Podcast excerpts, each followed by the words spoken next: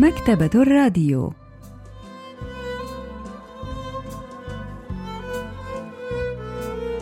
أهلا وسهلا بكم في حلقة جديدة من البرنامج الأسبوعي مكتبة الراديو الذي نستعرض من خلاله كتابا جديدا كل أسبوع. واليوم سوف نستعرض قصة طبقات وطبقات للكاتبة كو كيونغ مي. لحظات ونوافيكم بالتفاصيل.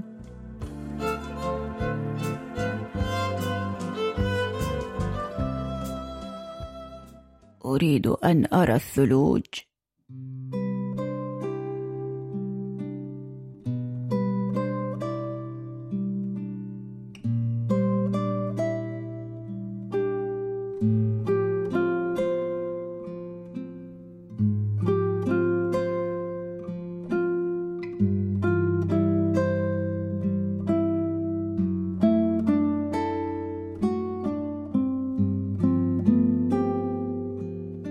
لم تكن هذه كلمات أبي الأخيرة وهو يموت بل كانت أمنيته. وبما أننا كنا ننتظر تلك الكلمات التي حسبنا أنها كلماته الأخيرة في توتر فلم نستطع أن نخفي إحباطنا. أريد أن أرى الثلوج. هكذا كرر كلماته. لن تأتي الثلوج الآن. أرجح أن لا يأتي فالثلوج بالكاد تسقط مرة واحدة سنويا في هذا المكان. انتظرنا أن يتكلم ثانية. لم يكن أبي يستطيع أن ينطق بعبارات طويلة. من سيصطحبني؟ هكذا إذا إنه لم يستدعنا إلى هنا كي يبلغنا بوصاياه الأخيرة بل كي يحصل على ما يريد. نشرت قصة طبقات وطبقات للكاتبة كو كيونغ مي في عام 2011 وفي القصة يستدعي أب مريض أولاده الخمسة ويخبرهم بأنه يريد أن يشاهد الثلوج. وبطلة القصة هي أون هيونغ وهي الابنة الرابعة لها ثلاث أخوات أكبر منها وأخ واحد أصغر. كان والدهم يمتهن النجارة وهو ما كان يجعله دائم السفر في كل أنحاء البلاد. ولم يكن أفراد أسرته يحبون الثلج كثيرا. فقد أفسدت الثلوج حفل زفاف إحدى شقيقات إن هيونغ الكبيرات. إذ هبت عاصفة ثلجية فأعرض المدعوون عن الحضور وزف العريسان في قاعة احتفالات فارغة تقريبا. كما انزلقت شقيقة أخرى لها على طريق جبلي بسبب الثلوج الزلقة وهو ما أدى في النهاية إلى طلاقها. كانت الثلوج تهطل كثيرا في المكان الذي كنا نعيش فيه في طفولتنا. كان المكان الذي ذكرته إحدى الشقيقات الكبريات هو المكان الذي سقطت فيه الابنة الرابعة للأسرة. ليس أنيونغ بل الأقرب إليها في العمر. كانت قد سقطت من حافة واد ولقت حتفها على الفور. بعد ذلك الحادث المريع غادر والدا أونيونغ البلدة على الفور واستقرا في مقاطعة كيونغ سانغ حيث لا تسقط الثلوج كثيرا. ضممنا رؤوسنا لنتهامس. قالت شقيقتي الثالثة لا نريه صورا للثلوج؟ فقالت الكبرى إن كانت الصور سترضيه لما كان استدعانا إلى هنا. لا داعي لأن يذهب بنفسه من الممكن أن نأتيه ببعض الثلج في صندوق حافظ للحرارة. لكن من سيذهب؟ لست أنا. يجب أن يذهب هيونغو التفتنا جميعا لتأمل شقيقنا. بدلا من أن يجيبنا انهمك في تأمل أبي. أريد أن أراها بعيني مباشرة. هكذا قرر الأشقاء أن يذهبوا إلى مقاطعة كانغوون حتى يشاهدوا الثلوج كما أراد والدهم. استعدوا للرحلة وأعدوا عدة أطباق جانبية واشتروا الأرز المطهو المعلب والشعيرية سريعة التحضير. كما أحضروا كمية من أدوية والدهم تكفي شهرا كاملا. سنعتبرها رحلة. هكذا قالت شقيقتي الثالثة وهي تتأمل ما داخل صندوق السيارة. وضعت كرات الأرز المطهوة فوق علبة وقالت شقيقتي الكبرى إنها المرة الأولى التي أذهب فيها إلى مكان مع أمي وأبي. قالت أمي إنها رحلتي الأولى خلال الأربعين عاما الماضية. وتمتم شقيقي يا له من أمر يثير السخرية. أول رحلة عائلية أشارك فيها ستكون الأخيرة أيضا. كان من المخطط أن تنضم إليهم سان هيونغ ثاني أكبر الشقيقات في المساء. تحركت الأسرة أخيرا متجهة إلى مقاطعة كانغوان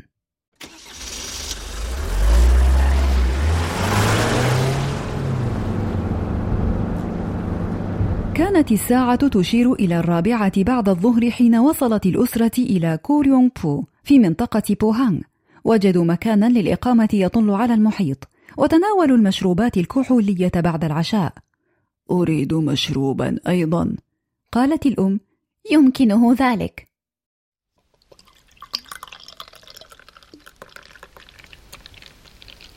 قالت شقيقتي الكبرى. لدي اعتراف. كانت وجنتاها محتقنتين بعد شرب كوب من الخمر. قالت تشاجر أبي وأمي على المال عندما كنت أستعد للزواج. أحزنني كثيرا أن أراكما تتشاجران بسببي. لكن عندما حان دور سون هيونغ لتتزوج لم تتشاجرا. تشاجرتما بسبب خمسة ملايين وون في زفافي ولكنكما أنفقتما عشرات الملايين على زفافها دون تردد. وعندما شكت من أن المال لا يكفي كانت أمي هي من اعتذر. ردت أمي كنا نعاني من أزمة مالية وقت زواجك كما كانت سون هيونغ أنانية. كنت ممتنة لهذه الملايين الخمسة. أما هي فقد تذمرت واعترضت. قال لي والدك أن أعطيها كل ما تطلب وأن أقترض من المصرف أيضا كي تنجو أسرتنا. أرأيت؟ لقد كنت تفضلينها علي؟ فكري في الأمر كلفتة كرم تجاه شقيقتك. لطالما كرهت كوني الشقيقة الكبرى مسؤوليات كثيرة بلا أي سلطة. آسفة. لا بأس. أشعر بتحسن لأنني أفصحت عما في صدري. تبادل أفراد الأسرة حوارا عن الأفكار التي احتفظوا بها سرا لوقت طويل. انضمت إليهم سون هيونغ في المساء وتمددت الشقيقات الأربعة جنبا إلى جنب على أرض الصالة.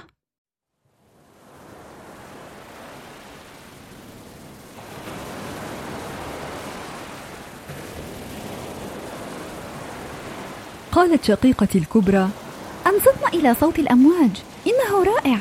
وكانت هي أول من استغرق في النوم. تبعتها الشقيقة الثالثة التي قالت لا أريد أن أنام الليلة.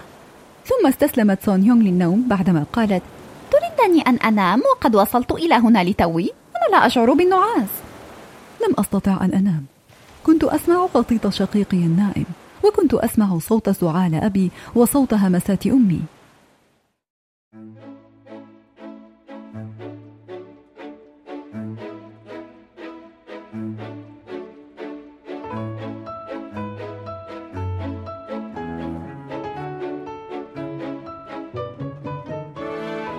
في اليوم التالي ركب أفراد الأسرة السبعة في سيارة واحدة كي يذهبوا لمشاهدة الثلوج.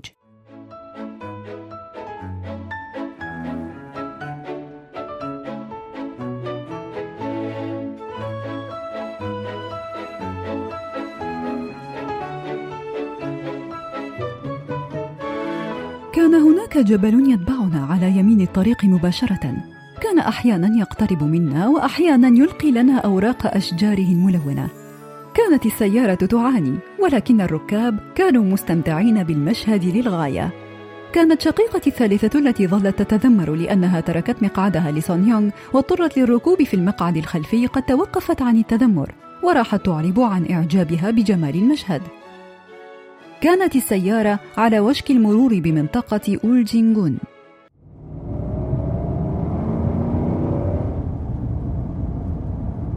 أمي أليست البلدة التي نشأت فيها قريبة من هنا؟ لنذهب إلى جدتي وافقت شقيقتاي الكبيرتان على ذلك الاقتراح لا أحد هناك الآن ماذا تعنين؟ خالي لا يزال هناك لقد توفي العام الماضي ماذا؟ ولماذا لم تخبرينا؟ وما الجدوى من ذلك إن كنت أنا نفسي عجزت عن الذهاب إلى الجنازة ولماذا لم تذهبي؟ كان هذا بعد انهيار والدكم بعدة أيام كان هذا أدعى لأن تكلفين بالحضور. هذه هي مشكلتك. لماذا تبقين شؤون الأسرة سرا؟ هل أخفيت الأمر عن أبي أيضا؟ ساد جو غريب في السيارة فجأة. لم أكن أعرف. هكذا رد أبي بعد فترة ثم قال أنا آسف. لم يستطع الإخوة أن يحددوا ما إذا كان اعتذار والدهم موجها إليهم أم إلى والدتهم ولكنهم لم يسألوا. الناقدة الأدبية جون سو يونغ تحدثنا عن تلك الأسرة 구경미 작가가 가진 장점 중에 하나는 현대인의 모습을 날카롭게 포착을 하면서도 تتميز الكاتبة بوصفها الدقيق للحياة العصرية في كوريا وبآرائها المتعاطفة وهي نقاط قوتها وقد وصفت تلك الأسرة بصورة واقعية للغاية وهو أمر يندر أن نراه في المجتمع الكوري فالأم على سبيل المثال تخفي عن أفراد أسرتها الأحداث التي جعلت حياتها صعبة والأب نادرا ما يظهر مشاعره أو يعبر عنها. والأبناء أيضا لا يعبرون عما يضايقهم في علاقاتهم بباقي أفراد الأسرة وهو ما يعكس واقع الأسرة الكورية التي يتم التأكيد دائما على أهميتها كمفهوم بينما يفتقر واقع الأسرة للتواصل أو الحوار الصادق بين أفرادها. ثم ذهبوا إلى شاطئ مانيانغ لتناول الغداء.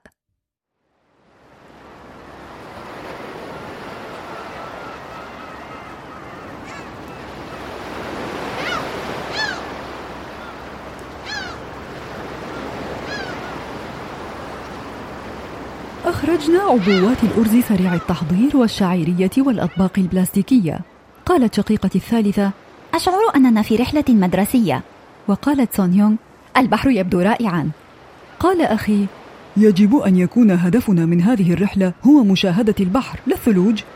تسابقوا إلى الشاطئ وجمعوا المحارات كالأطفال الصغار ولكن متعتهم كانت قصيرة المدى إذ شعر والدهم بالبرد الشديد وكان الطريق لا يزال طويلا أمامهم.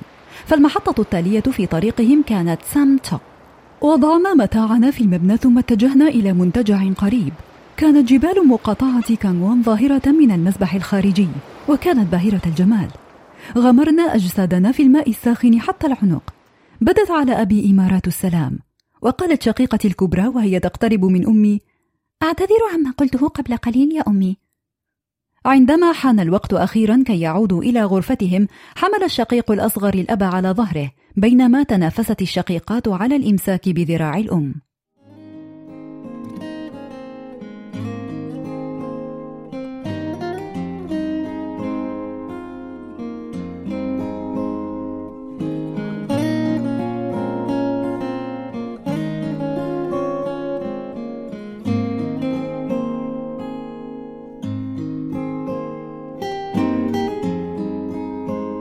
دعوني للأصغر. وهكذا أمسكت أنا وشقيقتي الثالثة ذراعي أمنا. صاحت سون يونغ قبل أن تمسك بذراع شقيقتنا الكبرى. يا له من أمر يثير الحنق. دفعت شقيقتي الكبرى ذراعها بعيدا عنها وأمسكت بذراعي أنا. قالت سون يونغ أنا أيضا لا أريد ذراعك. ثم أمسكت بذراع شقيقتي الثالثة. صرنا كتلة كبيرة تمشي في الشوارع المظلمة. في اليوم التالي قررت الأسرة الذهاب إلى جبل سوراكسان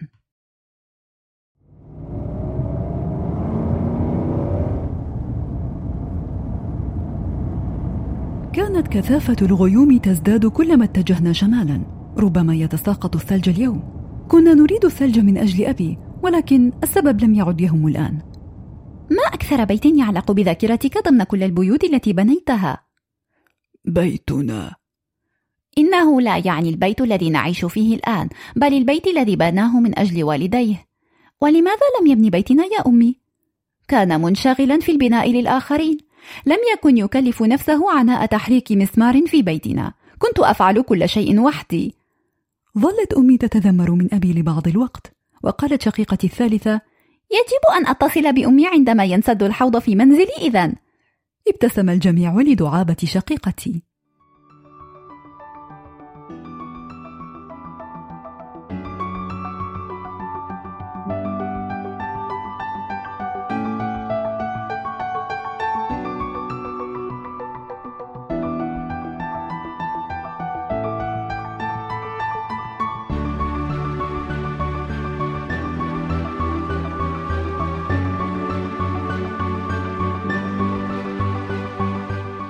انظروا إنها تثلج.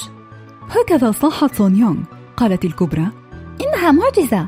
وقالت شقيقتي الثالثة لم أظن أبدا أنها ستثلج حقا. قالت أمي أباكم محظوظ جدا. بدأت الثلوج تهطل في اللحظة التي ظهر فيها جبل سوراك خارج النافذة وكأنها معجزة ما. لم تكن ثلوجا ناعمة خفيفة بل كانت ثلوجا كبيرة يبلغ حجم الكتلة الواحدة منها العملات فئة عشر وون هل تحققت أمنيتك الآن يا أبي؟ بعدما مرضت أدركت أنني لم أذهب في رحلة عائلية مطلقا. كان هذا أكبر ما أشعرني بالندم. لم يستطع أي منا أن يجيبه.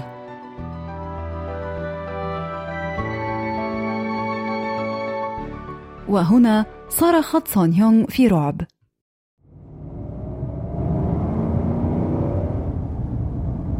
يجب أن نجد مكانا نوقف فيه السيارة قبل أن تزداد الثلوج قوة. أنا لم أقد سيارة على طريق تغطيه الثلوج من قبل.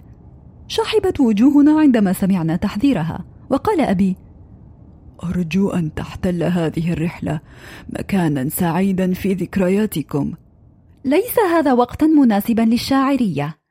بدأت شقيقتي الثالثة في الضحك فجأة. ما بك؟ لا شيء. لماذا تضحكين؟ لا شيء.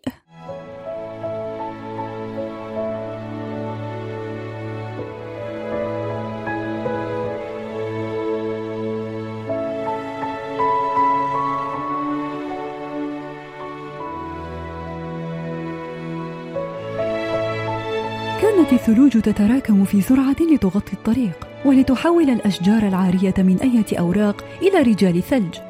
كان الثلج في كل مكان. كانت الثلوج تهطل لتغطي طبقات الثلوج السفلى قبل أن تأتي طبقات جديدة لتغطيها.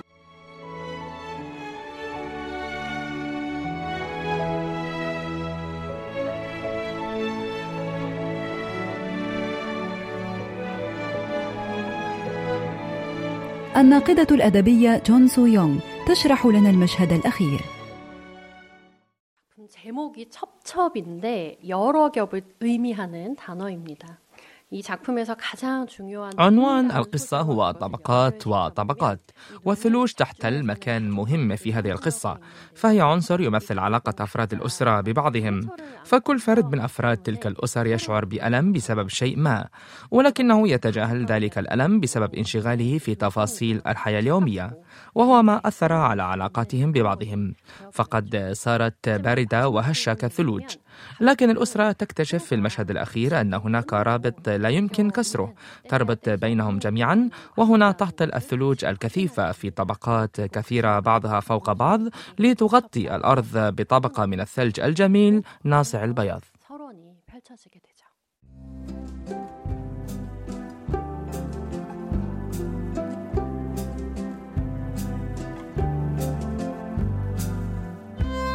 استعرضنا معا قصة طبقات وطبقات للكاتبة كو كيونغ مي. وإلى اللقاء في الأسبوع القادم مع كتاب جديد ومبدع جديد.